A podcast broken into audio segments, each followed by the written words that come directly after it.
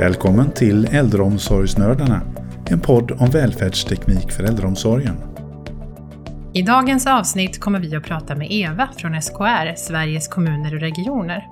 Ämnet för dagen kommer bland annat att vara vad SKR gör för äldreomsorgen i Sverige avseende just välfärdsteknik. Men även kommer vi att diskutera de tio modellkommuner som man utsett och som tillsammans med SKR driver det här arbetet framåt, just avseende välfärdsteknik. Jag heter Linda och jag har med mig... Och jag heter Mattias. Jättekul att ha dig här Mattias. Och vi har även med oss Eva från SKR. Välkommen hit Eva. Tack ska du ha. Vi kan väl kanske säga det också att om ni tycker att ljudet låter lite konstigt idag så gör vi en inspelning via Teams. Jag hoppas att ni har överseende med lite krassligt ljud idag. Ja, precis. Jättekul som sagt och intressant ämne för dagen här. Vi kan väl göra så att vi dyker direkt in i ämnet och låter dig Eva ta över och berätta lite vem du är och vad SKR gör som organisation. Mm. Ja, jag heter Eva Salén och jag finns på Sveriges kommuner och regioner, eller SKR som det ofta förkortas då. Där samordnar jag en treårig överenskommelse som SKR har träffat med regeringen. En överenskommelse som innebär att alla Sveriges kommuner har möjlighet att rekvirera stimulansbidrag för att just verksamhetsutveckla sin äldreomsorg med digitala lösningar.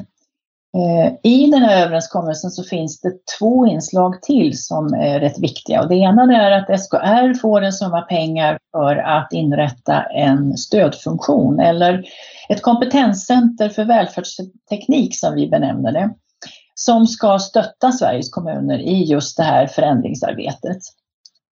Den tredje delen i den här överenskommelsen är att vi har också fått i uppdrag att utse tio stycken kommuner att vara så kallade modellkommuner.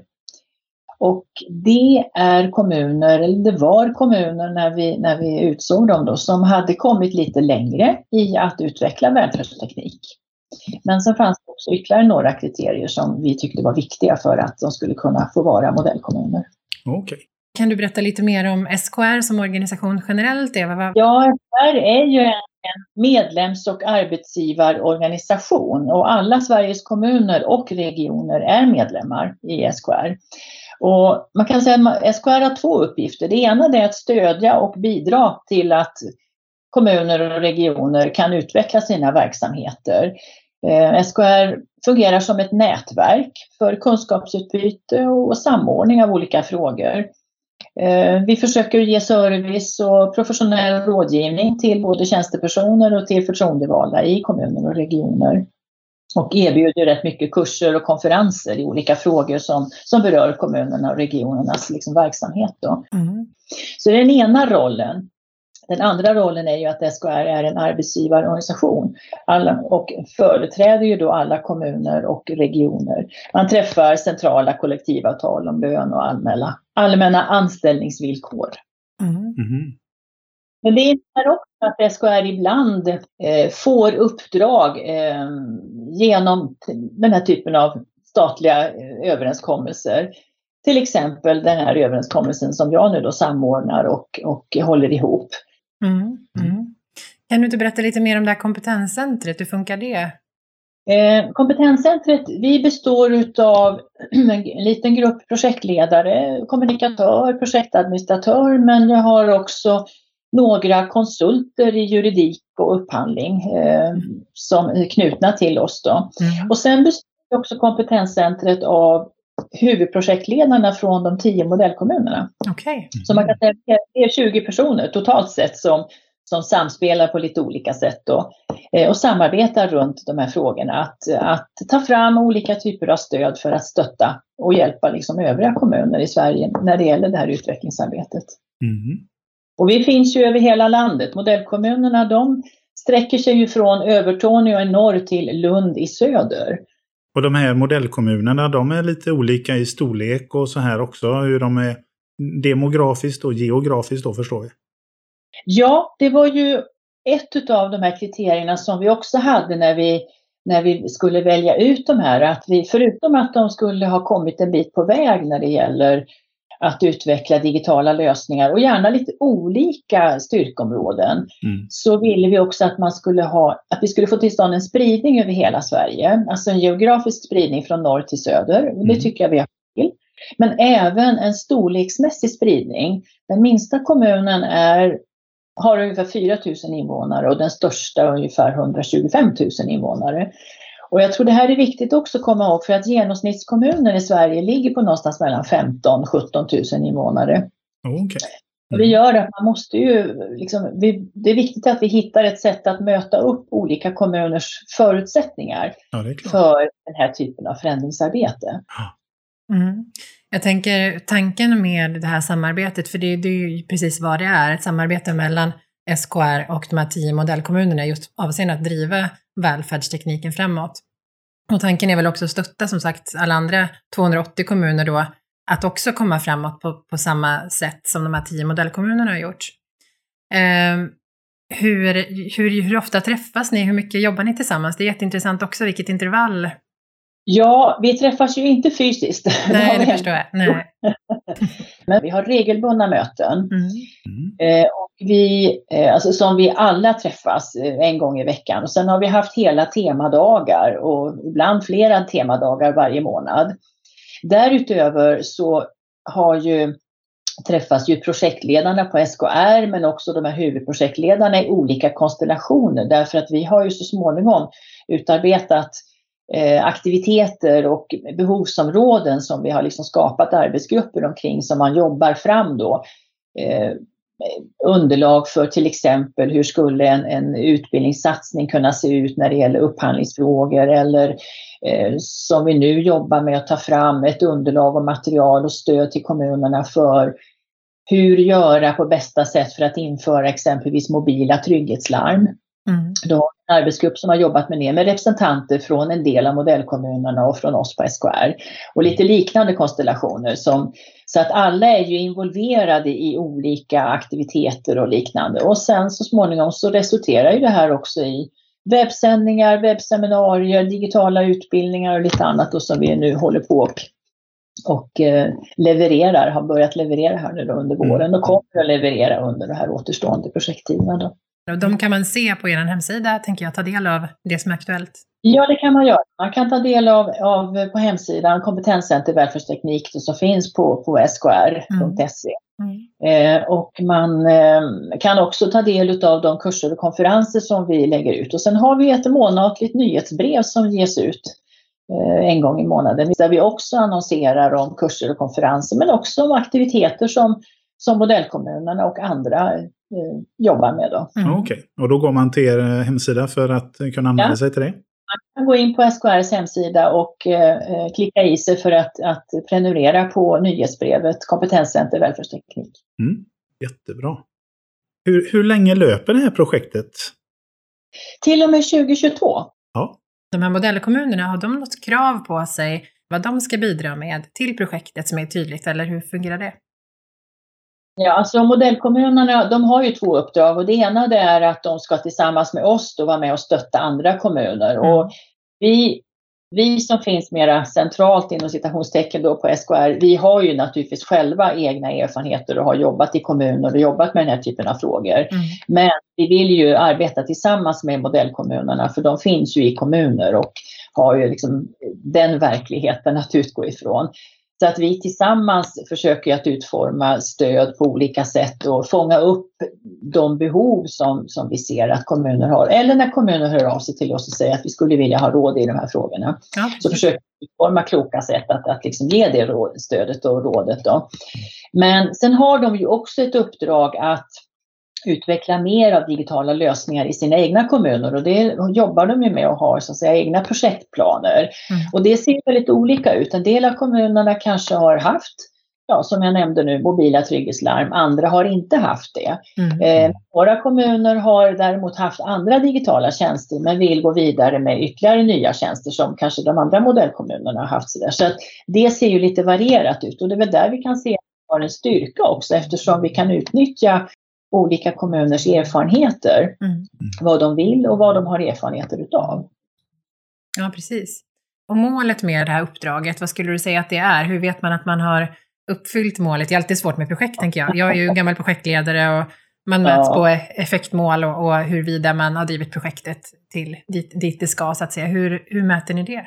De övergripande målsättningarna det är ju att möjliggöra för att det är fler äldre och personer med olika funktionsnedsättningar som ska få en möjlighet att kunna känna trygghet och självständighet med hjälp av digitala lösningar. Mm. Att, utveckla, att man, kommunerna ska utveckla mer digitala lösningar i omsorgen så att det underlättar för personalen i deras arbete. Mm. Och det tredje är att man då också eh, ser att man gör faktiskt en effektivisering och kan möta en del av de utmaningar som kommunerna ändå har med äldreomsorgen. Alltså vi ska ju komma ihåg att 2030 så kommer vi ha ungefär 50% fler personer som är 80 år och däröver. Mm. Och vi vet att man börjar behöva insatser någonstans en bit över 80 mm. ja, med kommunala äldreomsorgen. Så att det blir ju en jätteutmaning för kommunerna att möta upp då kanske ökade behov och det ska matchas med, med ett behov av ökad personal och man ska också matcha det med de ekonomiska resurser man då möjligen kan ha till sitt mm. förfogande. Och då är naturligtvis en, en möjlighet att använda sig av digitala lösningar ett, ett, en, ja, en viktig liksom, utvecklingsfaktor i det här. Just det. Eh, så det är ju natur och det här, men det här är ju ingenting som man löser på tre år. Det här är ju ett långsiktigt arbete som vi vet. Men vi kommer ändå att försöka följa det här via Socialstyrelsens årliga enkät.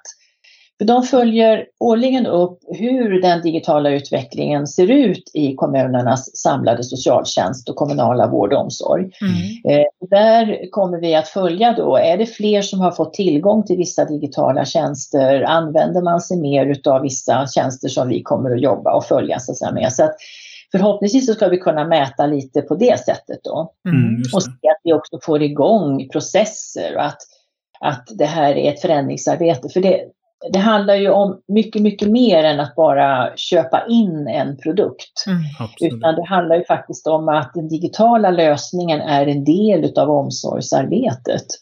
Och att man då behöver fundera över vad är målsättningen med det här? Vad vill vi med det här? Vad är det? Vi behöver kanske förändra metoder, förändra lite grann i organisationen. Det är många som behöver få information och man måste förankra om varför man väljer att jobba på det här sättet. Mm. Eh, och det är ju allt från så att säga, politik och ledning till medarbetare och chefer men också de är berörda av tjänsterna, kanske då brukarna och även ibland deras anhöriga. Och man kan också behöva arbeta med att, att mobilisera och stärka presumtiva omsorgstagare.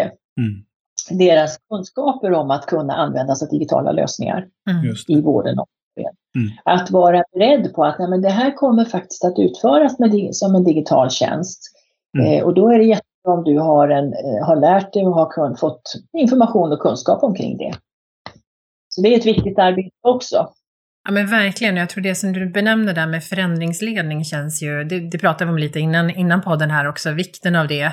Och precis som du säger, inte bara implementera tekniken utan att det krävs så mycket mer från alla parter tänker jag, både från, från eh, personalen men även från vårdtagarna som tar emot den här tekniken, eller tar emot, men det är ju deras hem som, som mycket av de här sakerna ska, ska vara.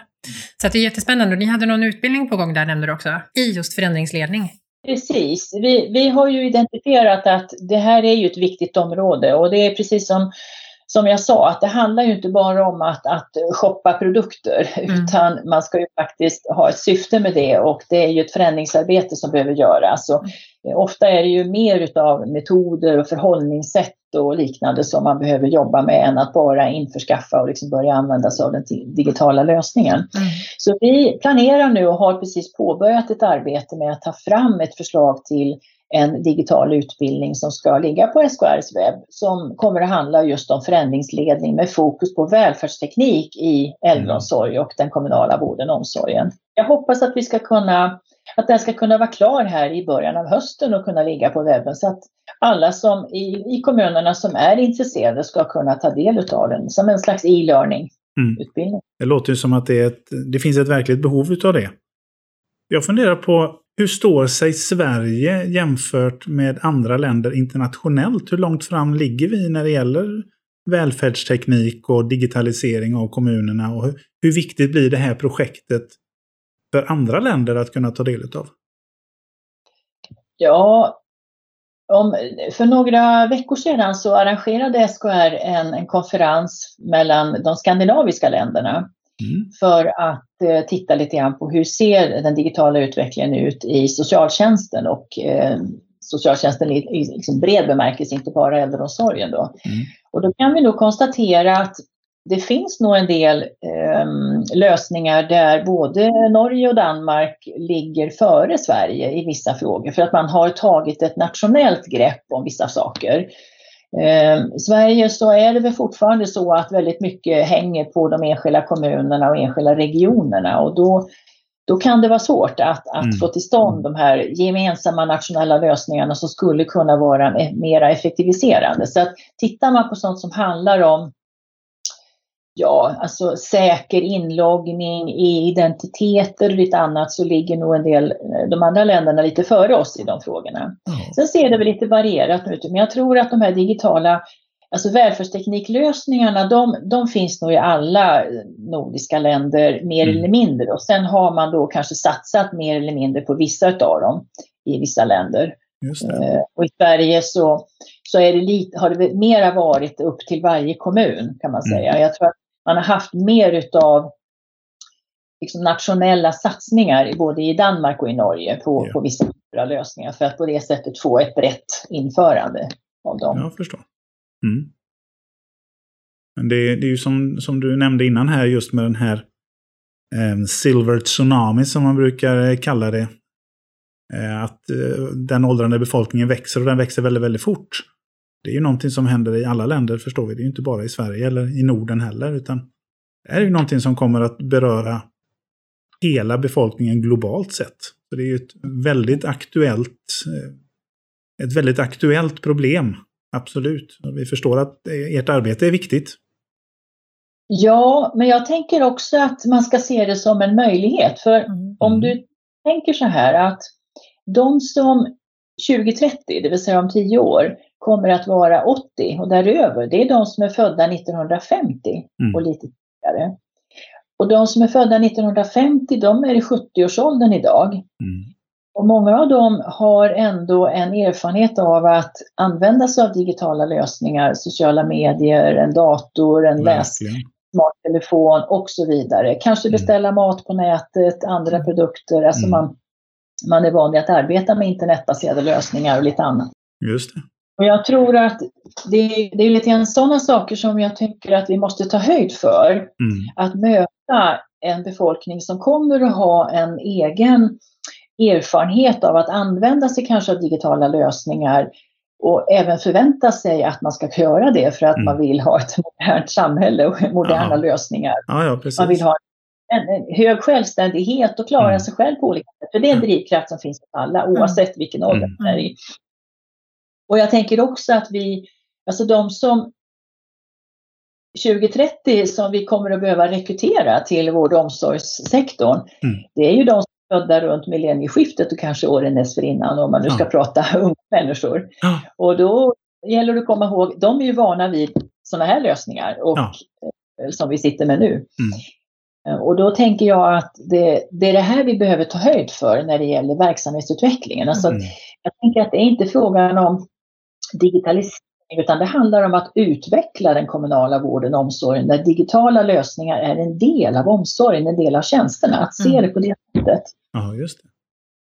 Ja, precis. Ja, eh, verkligen. Jag var inne och kikade lite på er hemsida för ett tag sedan och såg att ni har ju som sagt några pågående seminarier, det var de vi pratade om innan här också, som man kan anmäla sig till. Så mm. det ser man ju fram emot fler sådana tillfällen och det här med förändringsledning tycker jag är oerhört intressant. Verkligen. För som sagt, där kan vi på, på Fonir också se en utmaning i våra införanden av välfärdsteknik, att det är viktigt att ha med sig alla på banan och även att man får tid till att implementera de här, mm. den här tekniken. Det går ju inte att jobba på i samma hastighet kanske med allt annat ifall man ska implementera något nytt. Man behöver ju få utrymme att ta till sig det här också. Mm. Vill man veta mer om det här eller om man känner att man skulle vilja vara med eh, få ta del av det här som ni driver framåt med de här tio modellkommunerna och det som SKR gör, hur, eh, hur tar man del av det? Vem tar man kontakt med? Ja, då kan man gå in på som sagt var SKRs eh, webbsida och mm. eh, söka på kompetenscenter välfärdsteknik och där kan man sedan få kontaktuppgifter. Man kan också anmäla sig på SKRs webbsida till att prenumerera på vårt nyhetsbrev. Då får man ju också kontinuerlig information och kan få kontakt med både oss och modellkommunerna. Just det. Och det är skr.se? Eller också googlar man SKR så kommer det väl upp som första träff tror jag. Ja, det gör det väl. Ja, Ja. det är bra. Ja, men som sagt, tack så jättemycket Eva för att du var med. Tack för att jag fick komma. Mm. Och eh, tack för idag Mattias. Tack själva. Hej då. Hej då.